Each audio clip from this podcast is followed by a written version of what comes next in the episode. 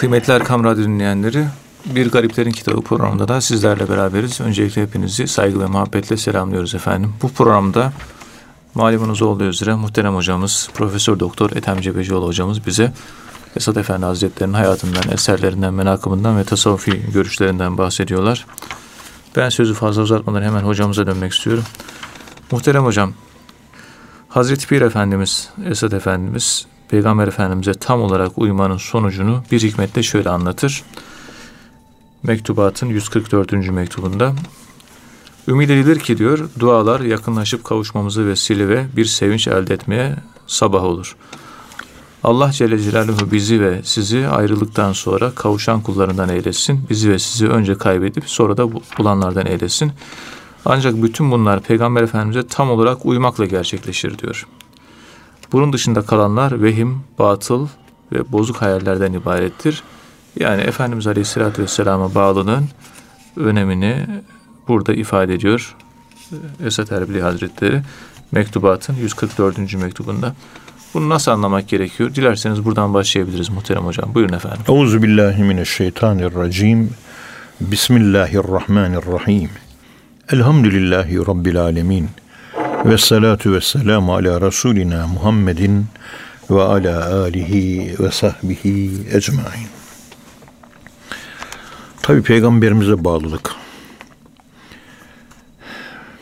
Fettebi'uni yani in kuntum tuhibbunallaha fettebi'uni yuhibbukumullah.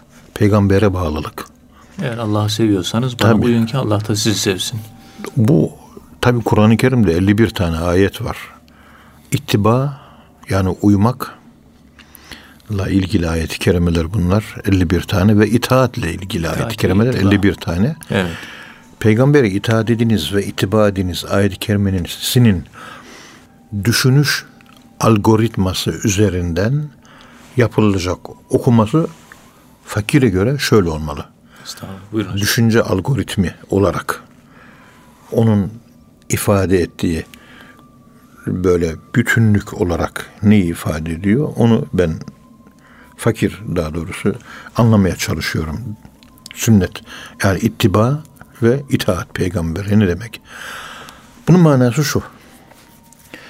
Şu Kur'an-ı Kerim işte ben buradayım. Evet. Kur'an ve ben. Yarın ölünce Allah beni yargılayacak. O gün yargılama günü. Yevmiddin. Belli bir kanuna göre yargılanmak. Din, kural. Evet. Kanun, kural. Nerede? Kur'an-ı Kerim işte o. Evet. Kur'an-ı Kerim'e göre yargılanma günü. Yargı ya temel olacak, mesnet teşkil edecek adalet mekanizmasındaki elle tutulur, göze görülür müşahhas yapı Kur'an-ı Kerim'in kendidir. Hırsızlık yapma. Yaptın mı kulum diyecek. Gayet müşahhas değil mi? Tabii. Hırsız. Ey kulum başını örttün mü diyecek. İşte orada ört diyor. Evet. İşte örttüm mü? Örtmedim. Neyse. Şimdi Kur'an-ı Kerim'i yaşarken ben kendi aklımı mı referans alayım yoksa bir başka aklı mı referans alayım? Birisini bugünkü işte modernist alim geçinenlerin, akademisyen geçinenlerin pek çoğu aklımız İslam akıl dini diyor söylüyor. Tamam akıl bu. Evet. Ama aklın çalıştırılmasında bir yöntem kullanıyoruz biz. İlle Descartes'çi bir yöntem mi kullanacağız? Mutlaka pozitivist, August Comte'çu bir yöntem mi kullanacağız? Yöntemi bunun ne olmalı? Ya. Akıl zaten çalışacak. Zaten çalışma halinde. Ama neye göre? Bir referansa göre Tabii. kendini dizayn etmek zorunda. İşte Resulullah'a ittiba ve itaatle ilgili 51 tane ayet-i kerimede ey Müslüman sen Kur'an-ı Kerim'e gelirken Resulullah'ın anlayışını teorik olarak evet. yaşayışını pratik olarak baz al, temel al, o temel üzerinden Kur'an'a yaklaş. Kendi anlaman ve kendi akültüre olmuş yaşama life stilin hayat biçimin üzerinden Kur'an-ı Kerim'e gelme. gelme. Hmm. Kendinle gelme, nefsinle gelme. Resulullah'la gel. Evet. Ve Kur'an-ı kendi ayet Resulullah'ın sünnetlerini bir tarafa bırakalım. Kur'an bize yeter. Diyenlerin o yapışıkları Kur'an-ı Kerim'deki bu 51 tane ayet-i kerimenin üzerinde düşünmeleri lazım. Benim bu itaat ve ittiba konusunda, Resulullah'a itaat ve ittiba konusundaki ayetlerin düşünme metodolojisindeki algoritmim benim bu şahsen. Fakir böyle düşünüyorum ben. Evet. İtaat edin. Ey kulum sen kendinden yani kendi yaşama biçiminden. Çünkü çevrenin çevre kültüre kültür olarak eritti beni. Kültür olarak eridim ben. Tabii. Ben kafam Amerikanlaştı, mankurtlaştı. Kafam dönüştü, dönüştürüldü benim kafam. Çünkü subliminal mesajlarla televizyon, gazeteler, çevre, toplum, kültür vesaire, eğitim beni değiştirdi. Kafam kirli, temiz bir kafa değil. Kur'an pis kafalara, pis gönüllere kendini açmaz. Aç, açmıyor. Bütün yani. there is all problem to be or not to be. Bütün problem bu. Olmak veya ölmek. Ya Resulullah gibi o İslam yaşayacaksın veya da kendi kafana göre yaşayacaksın. Kendi kafana göre yaşadığın zaman ortaya bu problem ortaya çıkıyor. Çünkü şu önermeyi ben bir postüla, bir değişmez olarak kabul ediyorum. Kur'an-ı Kerim önümüzde. En iyi anlayan insan kimdi? Efendimiz'di. Bana göre peygamberimiz. Evet. Ama bugünkü o modernist zihniyete göre peygamberimiz anlayamadı diyor. O devirde fizik kimya yoktu diyor. Astronomi bilmem ne falan geometri yoktu diyor. Şimdi var ben iyi anlıyorum diyor. Kur'an-ı Kerim'e bakarsan en iyi anlayan peygamber en iyi anlayanın anlayışını anlamaya çalışın. Resulullah'ın Kur'an-ı Kerim'i anlamayısını anlamaya çalışın. Evet.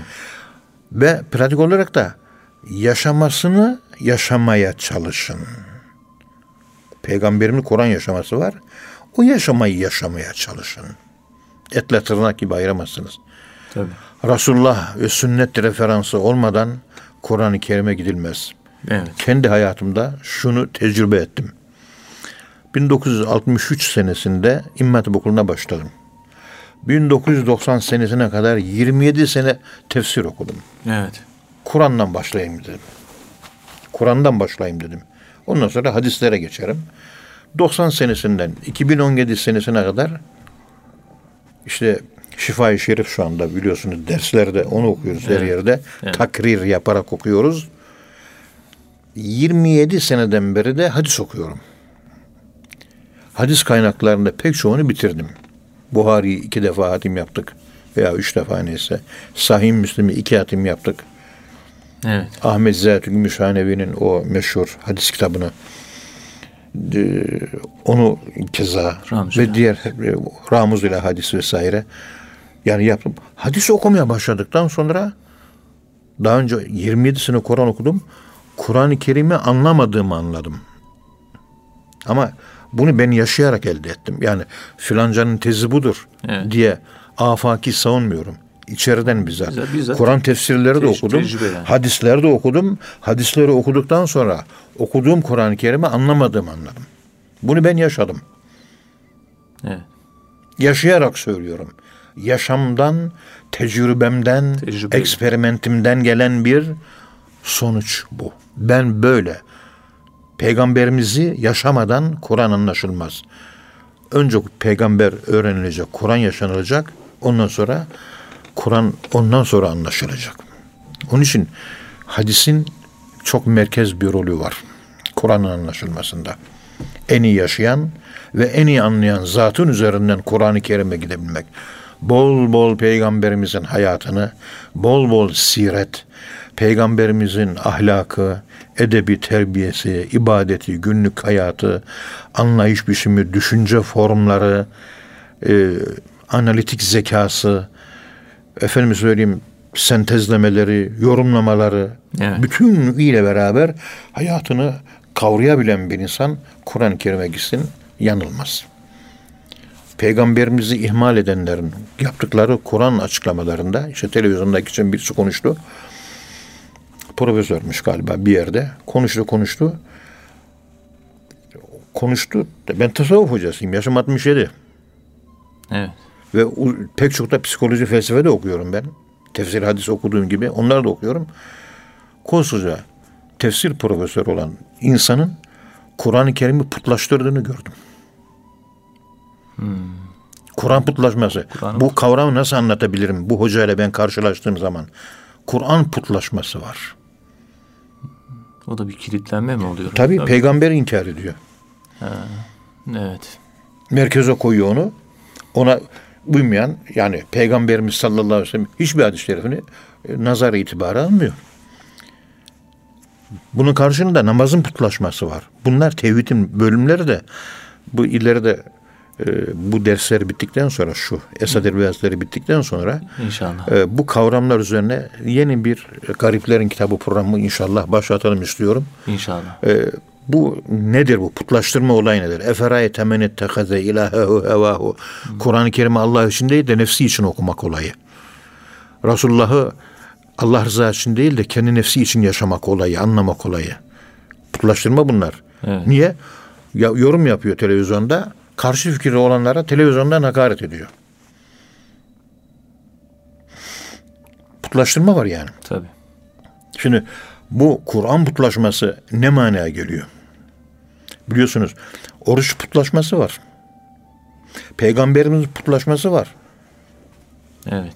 Peygamberimiz ölünce Hazreti Ömer, Hazreti Ömer kılıcı çekiyor değil mi? Evet. Kim öldü derse keserim diyor. Evet. Hazreti Ömer ne diyor? Kim peygambere tapıyorsa o ölmüştür Ölmüş diyor. diyor. Allah'a tapan varsa Allah ölmemiştir, hayırlı ümittir diyor. Hazreti Ömer uykudan uyanmış gibi oldum diyor değil mi? Evet. Bak konuştuğumuzun karşılığı bu. Evet.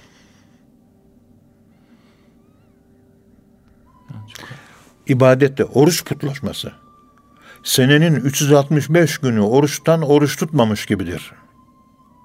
Peygamberimiz de oruç, orucun putlaştırmasını anlatmaya çalışıyor. Müslümanlar da bu konuları bu kitapların bu sayfalarına daha gelmediler. Yok da evet. Çünkü daha namaz kılmıyor ki putlaştırsın. Kur'an okumuyor ki putlaştırsın. Kitap okumuyor ki. Oruç evet. He. Ya bütün bunlar geniş geniş bir platformda geniş geniş bir anlatılması lazım. Daha detay bilgiler var. E, o detay bilgileri de doktora derslerine biz zaten anlatıyoruz. Evet. Ama tevhid öyle basit bir şey değil. Muhterem kardeşim. Evet hocam. İşte peygamberimize bağlılık deyince Hazreti Pir Efendi peygamberimize tam olarak bağlanmak bu ne ifade eder? Peygamberimize tam olarak bağlanmak. Bu ne ifade eder? Efendimiz diyor ki tam olarak bağlılık nedir? Tabi. 144. mektubunda Hazreti Pir Kuddise Sirruhul Aziz der ki Ümit edilir ki yaptığımız dualar Allah'a yaklaşmamıza, Allah'a kavuşmamıza bir vesiledir. Yine ümit ediyoruz ki Allah'a kavuşmanın sevincinin sabahı olur. Evet. Ufukta gözükür Allah'a kavuşma güneşi. Sabah olur. Artık Allahü Teala Celle Celaluhu bizleri ve sizi ayrılıktan sonra kavuşan kullarından eylesin. Bizi ve sizi önce kaybedip sonra da bulanlardan eylesin. Ancak bütün bunlar Peygamberimiz sallallahu aleyhi ve sellem Efendimiz'e tam olarak uyumakla gerçekleşir. Yani ahirette buluşalım. Buluşalım ama peygamberin yaşadığı İslam yaşamazsan buluşamayız diyor. Evet. Onun yaşadığı İslam, en ideal İslam o Ondan daha ideal yaşayan ikinci bir insan gelmedi. Yok. Yok. لَقَدْ كَانِ لَكُمْ ف۪ي رَسُولِ اللّٰهِ اُسْوَةٌ hasenetun. Model şahsiyet o. Onu referans alın.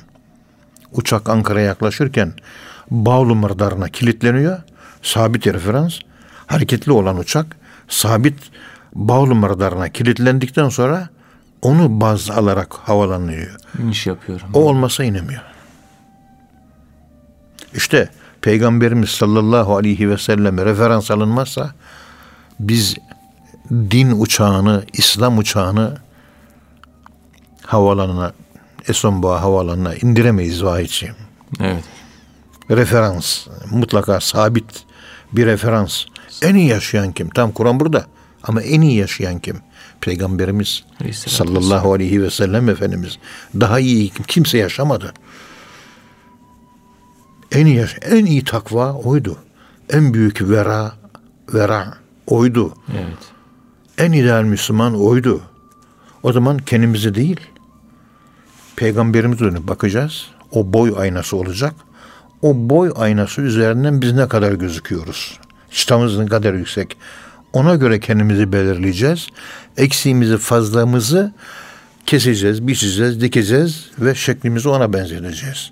Şeklimiz ona benzerse hakiki Kur'an Müslümanı oluruz. Çünkü kânet ahlakuhu ibareten minel Kur'an. O homo Koranikus idi. Kur'an insanıydı. Başka bir şey değil.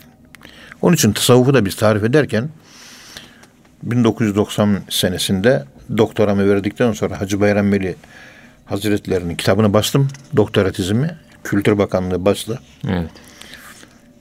Arkasına kitabın tanıtma logo yazısı olarak şöyle bir ibare koymuştum. Arkasına. Tasavvuf nedir? Tasavvuf Kur'an-ı Kerim'i peygamberimizin yaşadığı gibi yaşamaya çalışmaktır. Çabası. Ve yaşamaktır değil, yaşamaya çalışmak. Onun yaşadığı İslam'ı kimse yaşayamaz. Ancak yaşamaya çalışabiliriz. Evet. Kabiliyetimiz oranında. Kitabı Ankara'ya, Etli'ye sohbete gelen rahmetli Üstad Musa Topaş Efendimiz Kuddise Sirruh ona hediye ettim. Evet. Kitabın ön sözüne baktı. Arkasına baktı. Arkasında bu yazıyı gördü. Tebessüm etti. Okudu bunu. Evet. Bütün mesele bu dedi. Tasavvuf. Bu. Değil Peygamber nasıl yazdı bu Kur'an'ı? O şekilde yaşamaya tasavvuf derler. Bitti. İslam eşittir şeriat. Tasavvuf eşittir şeriat. Bu kadar. Bu kadar. Daha ötesi yok. Evet. Tasavvuf eşittir Kur'an ve sünnet. Kur'an ve sünnet eşittir şeriat. Şeriat eşittir Allah'ın dini. Olay bu. Öyle karışık kuruş bir takım bir şey konuşmaya gerek yok. Evet. İşte Peygamberimiz sallallahu aleyhi ve sellem Efendimiz Peygamberimizin hayatını Esad Erbil Hazretleri diyor ki Esad, Esad Erbil Hazretleri 144. mektubunda Peygamberimizin yaşadığı İslam yaşarsak ahirette buluşuruz. Bunun dışında kalanlar, yaşamayanlar vehimde kalırlar, boş şeylerde kalırlar ve bozuk hayallerde boğulur giderler diyor. Bunun dışındakiler vehim, Tabii. batıl. Yolu, yolumuz Kur'an'dır, hedefe ulaştırır. Hazreti Resul bir örnektir, buluşturur. Evet Allah razı olsun hocam. Peygamberimizin anladığı gibi anlamak, peygamberimizin yaşadığı gibi yaşamak. Bütün dava bu. Yaptık, yaptık. Peygamberimize bağlılık çok önemli. Her zaman söylüyorum. İtaat, ha ne diyor?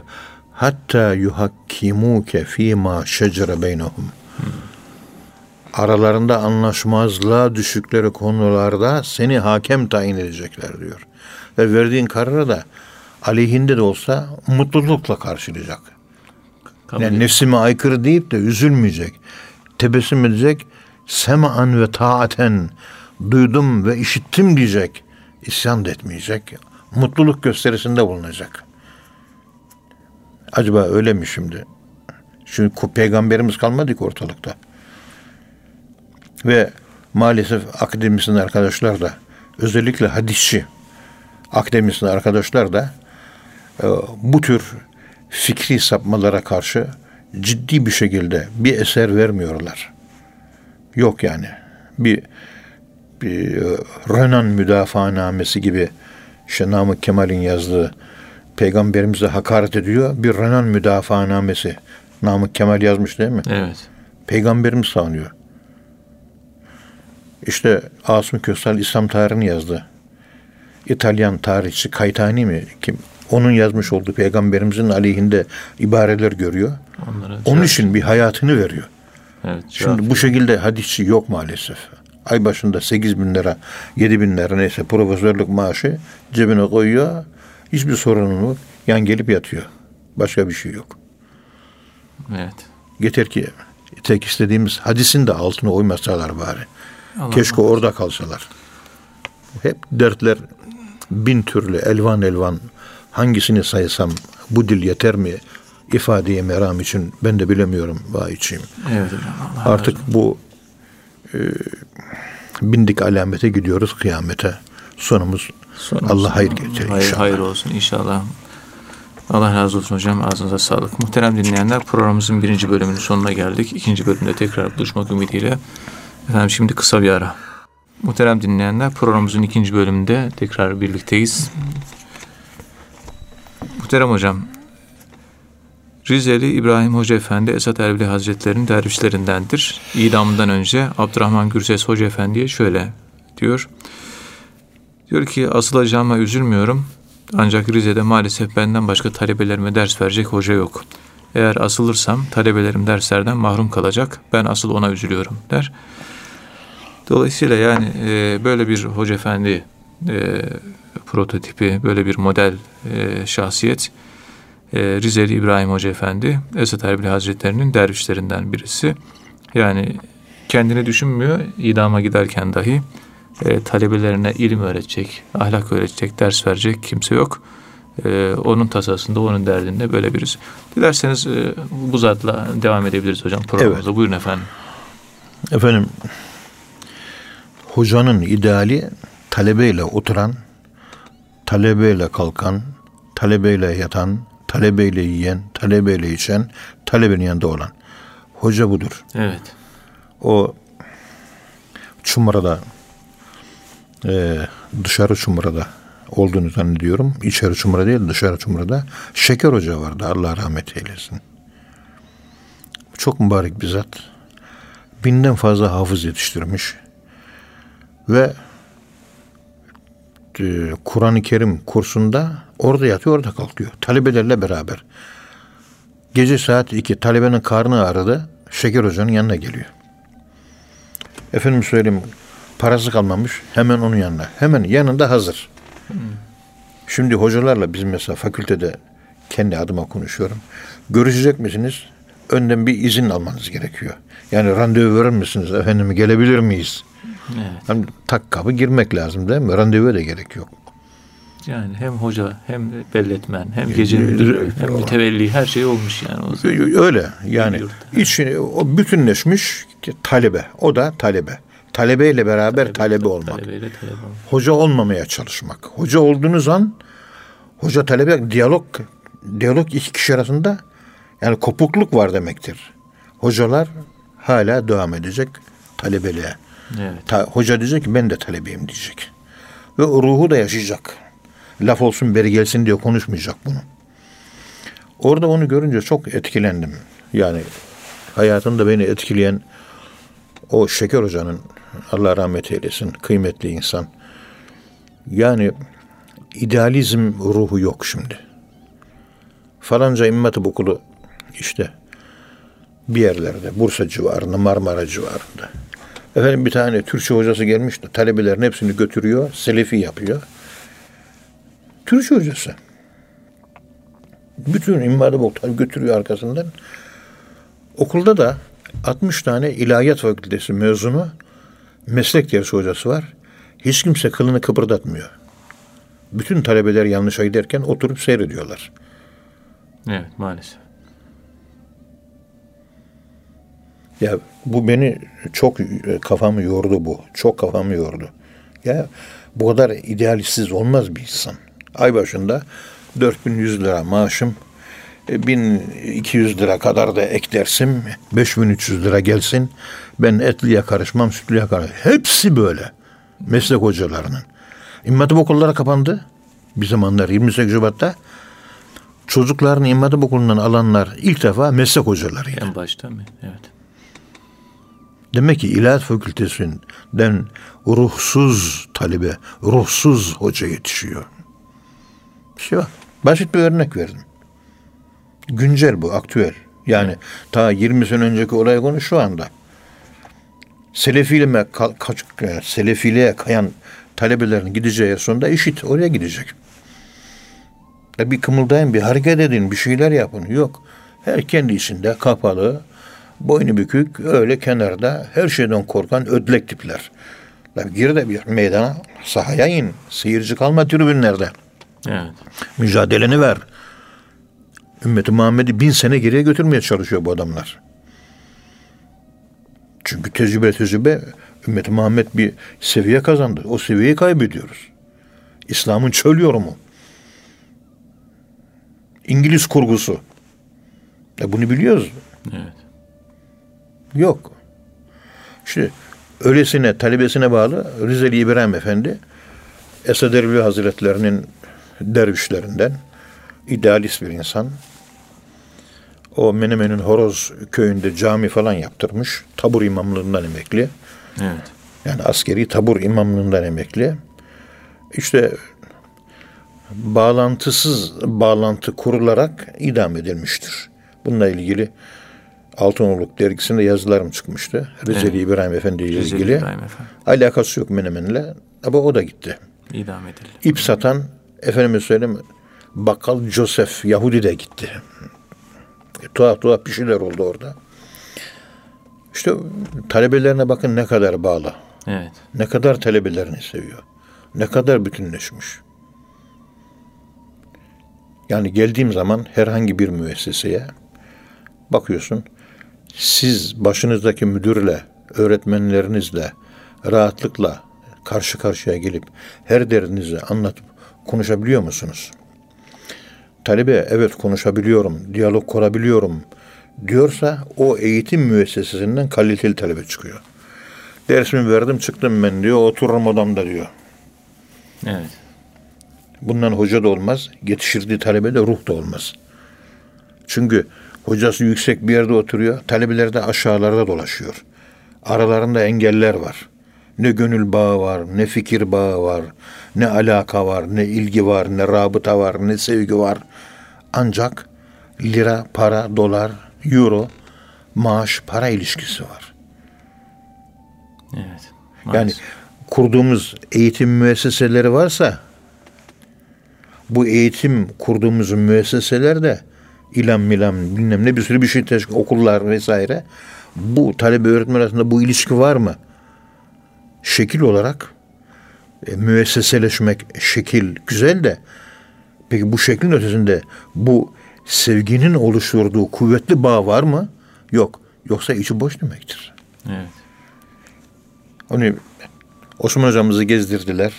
Bir şehirde şu binayı yaptık, bu binayı yaptık, bu binayı. Muhterem hocamız dedi ki bana binalar değil yetiştirdiğiniz adamları gösterin dedi. Bina lazım değil adam lazım. Evet. Kendi gayretimle küçük bir muhitte yani büyük de bir muhit değil ben. Tam 41 yıldan beri, 42 yıldan beri 7 bine yakın talebe etrafımızda zuhur etti elhamdülillah. Elhamdülillah. Hiçbir benim müessesem yok. Müesseseleşmedim. Hiçbir eğitim kurumum yok. Hiçbir şeyim yok. Bütün bir vatan sattı okul ve bütün bir vatan satında bir öğretmen olmaya gayret ettik biz.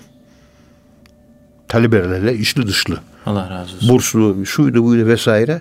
Ama hepsi bugün nerede bir faaliyet var? Hepsi o hizmetlerin yanında, o faaliyetlerin yanında. Allah rızası için koşuyor. Herkese çalışıyor. Kendi cemaatini değil, herkese açık çalışıyor. Gönüllü, sevgi dolu, irtibatlı bu hale geldi. Evet. Müessesemiz, bir okulumuz, binamız yoktu bizim. Binasız yaptık bunları biz. Bina var adam yok ben ne yapayım? Bu şeye benziyor Mevlana Hazretlerinin. Adamlar gördüm üzerinde elbiseler yok. Elbiseler gördüm içinde adam yok diyor. Evet. İşte elbiseler var, eğitim müesseseleri var ama içinde adam yok. Bir tane adam yetişmiyor. Bakıyorsun adam var elbisesi yok. Yani bina yok, bir şey yok. Müesseseleşmek böyle bir kaygı yok. Ama hep adam yetişmiş. Durmadan Evet. kahvede oturuyorsun, çay içiyorsun. Orada bile adam yetiştiriyorsun. İlkokula gidiyorsun, talebelerle orada adam yetiştiriyorsun. Ortaokula gidiyorsun, yurtlara gidiyorsun. işte efendim söyleyeyim sohbet salonları, konferans salonları, dernekler, vakıflar, düşünce enstitüleri, bilmem vesaire gitmediğimiz yer yok. Her yeriydi. Her yerde bir şey vermeye çalışıyorsunuz. Şurada bile Erkam Radyo'da bile konuşurken bilgiden ziyade ruh vermeye çalışıyor. Bana ruh lazım. Evet. İlim var, ruh yok. Ben ne yapayım? İlim. Ruhsuz ilim neye yarar? Evet. Önce ruh lazım, bilinç lazım. Bütün mesele bu. Evet. İşte İbrahim Efendi, Rizeli İbrahim Efendi öyle söylüyor. Abdurrahman Gülses Efendi'ye çok çileler çekmişler tabii orada. Allah makamlarını cennet eylesin. Amin. Allah şefaatlerine nail eylesin. Yani canını verecek, ölecek. Öleceğine üzülmüyor. Talebelerim ne olacak diyor. Çok büyük fedakarlık yani. Tabii, tabii. tabii. Böyle bir şey nasıl olur ya? Ben ölüyorum, talebelerim ne olacak diyor. Sıkıntısı talebeler. Bir miras kalıyor, ev kalıyor, hanımım dul kalıyor, çocuklarım yetim kalıyor. Böyle bir kaygı yok. Onun hanımı, çoluğu, çocuğu, mirası, her şeyi talebeden ibaret. Evet. İşte bizim bu çilehane şu anda şekli bu. Bir, bir baş öğretmenimiz var ve etrafta çocukları var. Çocukların babaları var. Ne güzel bir eğitim. Şefkat, merhamet, muhabbet her şey var. Bu önemli. Asılacağıma üzülmüyorum diyor. Abdurrahman Efendi'ye. Ancak Rize'de maalesef benden başka talebelerime ders verecek hoca yok. Evet. Yok. Kahti rical var. Beni burada Menemen'de idam ederlerse talebelerim derslerden mahrum kalacaklar. Cahil kalacaklar. Onların yetişememelerine ve onların derslerden mahrum kalmalarına, dinini öğrenmemelerine, öğrenememelerine ben bunlara üzülüyorum. Bunlara üzülüyorum. Yoksa benim hayatım önemli değil. Bu gençler önemli. Bu insanlar bilgilenmeli. İlim nurdur, ışıktır. Münevver olacağız ışıkla. Işıklanacağız. İllimine olacağız. Evet. İşte talebesine ölümüne bağlı. İdealist. Kendini parça parça ediyor. Maalesef bugün para varsa ders var, para yoksa ders yok. Dinuhum dinaruhum. Bitti. Bir gözünde dolar var hocanın, bir gözünde Allah var. Bugünkü hocaların hepsi böyle maalesef. Çok nadirattan idealist hoca bulabilirsiniz. Dersi verdin, dersi verdikten sonra bitti. Tamam gitti. Resmi ders. Ha, dersten sonra Allah rızası için karşılığında ek ders ücreti almadan gelin Avarifül Marif okuyalım Arapçasından arkadaşlar. Abdülkadir Geylani Hazretlerinin Arapçasını Gunyetü talibini okuyalım. 10-15 tane talebe. Oturun evladım. Alın kitaplardan birer tane. Okuyalım. Arapça metin. Neyi? İşte Abdülkadir Geylani, Avarifül Marif, Sühreverdi'yi okuyalım. İmam Gazali'nin İhyasını okuyalım. Değil mi? De para alıyor muyuz? Almıyoruz. Kaç yıldan beri devam ediyor? 41 yıldan beri devam ettiriyor. Evet. Ders verip para aldığım, para alarak ders verdiğim dersler var. Para almadan ders verdiğim dersler var. En az para alarak verdiğim derslerden daha fazla para almadan ders verdiğim dersler var. Evet. Niye? Yarın eğer Allah bu soracak. Mecbur değilim. Rızan lillah. Evet. İki tane adam etsin. Bütün çırpınmalarımız bu. Bütün gayretlerimiz bu. Resmi bir pozisyon. Talebeye resmi yaklaşıyor. Efendim yanına yaklaşamıyorsun. Korkuyor senden. Bu eğitim yok orada. Yok. Öğretim yok orada. Orada kopukluk var. Orada enaniyet var. İblisin öğretmenliği var orada. Evet. Nefsaniyet var orada. Bu yani idealist öğretmen meselesi gerçekten çok farklı bir alan, çok farklı bir konu ve çok önemli bir konu. Yani normal formel şeklin ötesinde informel şekli olmayan aşka bağlı, muhabbete bağlı, böyle idealizme bağlı. Yani ruhu asaletine bağlı. Bu eğitimin mutlaka olması lazım. Talebeler önlerindeki hocaları böyle idealist görmeyince kendilerinde idealist olmayan hocalar gibi ideal zannederek evet. idealist olmayan hoca olarak piyasaya çıkıyorlar. Maalesef. Ondan sonra peygamberimize saldırıyorlar. Kur'an-ı Kerim'e saldırıyorlar. Şunu mu? Hiç baktığı yok. Çünkü yetişirken önündeki hocalar da bunu görmedi ki. O Laz mollalarından, Kürt mollalarından bu İmam Hatip Okulu'nda okurken ve e, İlahiyat Fakültesi'nde okurken pek çok ders aldım. Ders aldığımız hoca ya para vermiyorduk. O hocalar bize ayakkabı veriyorlardı. Ders aldığımız hocam ayakkabı veriyordu. Çünkü geçmiş Osmanlı medreselerinden mezun hocalarından öyle görmüşler. Evet. Bana haftalık harçlık veriyorlardı. Hem ders veriyor hem harçlık. Hem de bana harçlık veriyor. Para almak değil. Evet. Harçlık veriyor. Fedakarlık gösteriyor. Abdullah İşler Hoca kar yağdığı zaman evinize gidemezsiniz çocuklar derdi. Arabasıyla bizi Abdullah İşler Hoca evine taşırdı. Şimdi 96 yaşında. 100 yaşına yaklaştı. Allah sağlık afiyet. Arabası vardı. Evet. Taka bir arabası vardı o zaman. Ta 1976 senesini konuşuyorum. Ankara Din Görevlileri Cemiyeti'nde.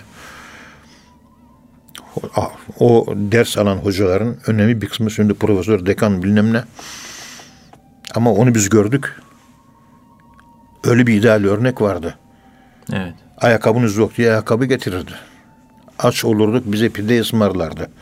Parasız kalırdık para verirdi. Yolda kalırdık arabasıyla taşırdı. Bunu gördüğümüz için biz bu formel şekli hocalara bizim formatımız uymuyor. Talebeli hoca iç içe olacak yani. İç içe. Hep geliyorsunuz her yer resmiyet dolu. Bakıyorsun resmi duruyor. Bakıyorsun böyle bir nefsi duruyor.